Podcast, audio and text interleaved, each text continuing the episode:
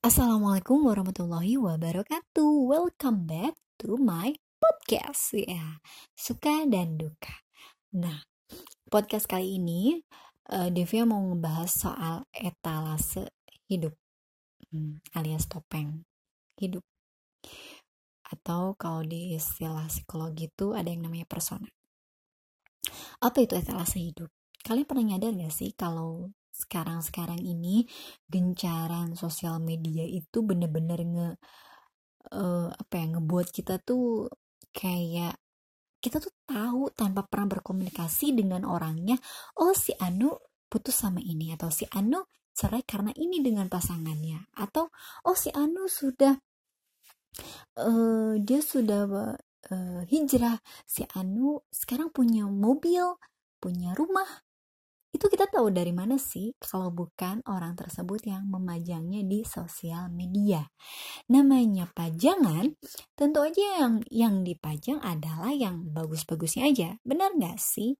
Iyalah, nggak akan ada seperti jualan lo majang yang pajangannya yang busuk, yang rusak, yang afkiran, yang dia grade-nya grade C. Kan enggak. Semua yang dipajang adalah semua hal yang menyenangkan.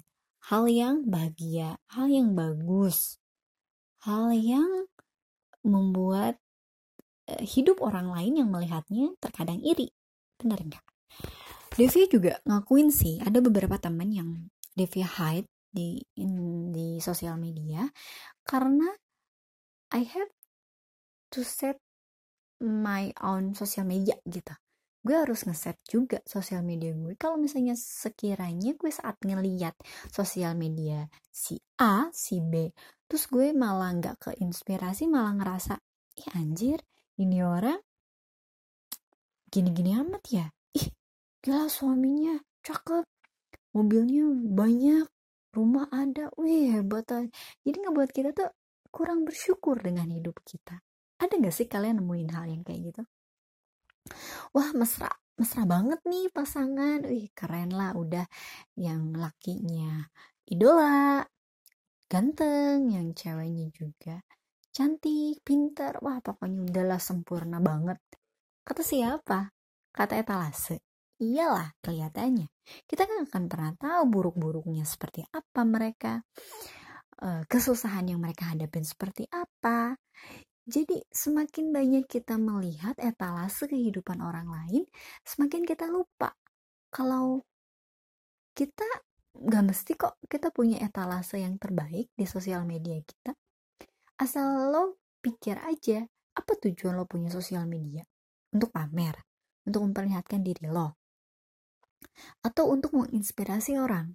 Nah, itu kan bisa berpengaruh terhadap cara posting, cara dia mm, memilah konten yang mau dia pajang di etalase. Kira-kira uh, ini nimbulin hasad gak ya? Atau ini bikin iri orang gak sih? Atau ini inspirasi orang gak balik lagi ke niatan orang tersebut memajang pajangan di etalase sosial media di sosial media dia.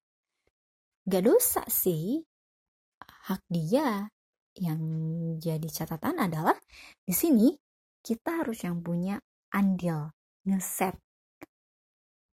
Nggak salah mereka pengen majang yang bagus-bagusnya.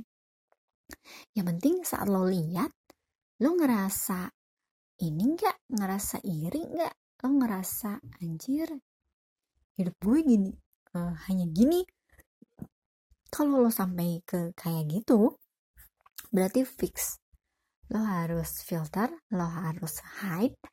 Kalau mungkin kalau unfollow lebih apa ya agak ekstrim jadi nggak mestilah lo harus memperlihatkan uh, etalase yang terbaik. Menurut gue sih enggak gitu.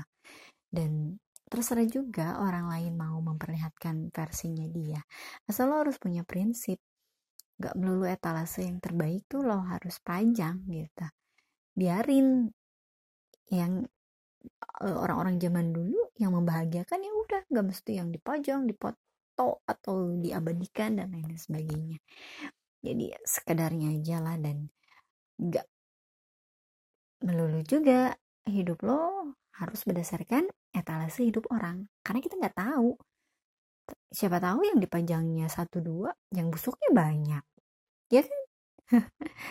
Jadi stop buat bandingin etalase hidup lo dengan etalase hidup orang lain.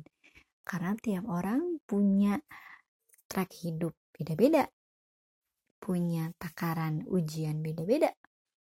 Punya hal yang terjadi di hidupnya juga beda-beda. Jadi nggak bisa disamaratakan. So jangan membanding-bandingkan jangan lupa banyak bersyukur oke okay, terima kasih sudah mendengarkan podcast Devia kali ini yang berjudul dengan etalase hidup semoga dapat manfaatnya Sampai jumpa kembali. Assalamualaikum warahmatullahi wabarakatuh.